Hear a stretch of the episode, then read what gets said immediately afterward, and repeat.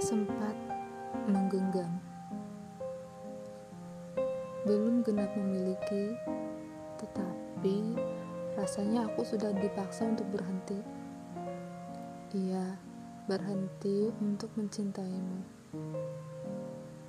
Perasaan itu harus kuhentikan agar tidak menyakiti siapa pun. Awalnya, aku memilih untuk berpura-pura tidak menyadari Rasa itu semakin dalam hingga ego untuk memilikimu mulai muncul. Entah aku yang belum siap atau memang semesta sudah menyuruhku untuk berjalan sendiri.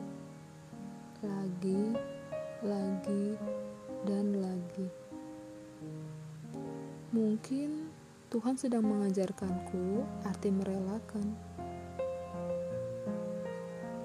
tentang sebuah rasa yang menjadi sebuah asa pada angan-angan.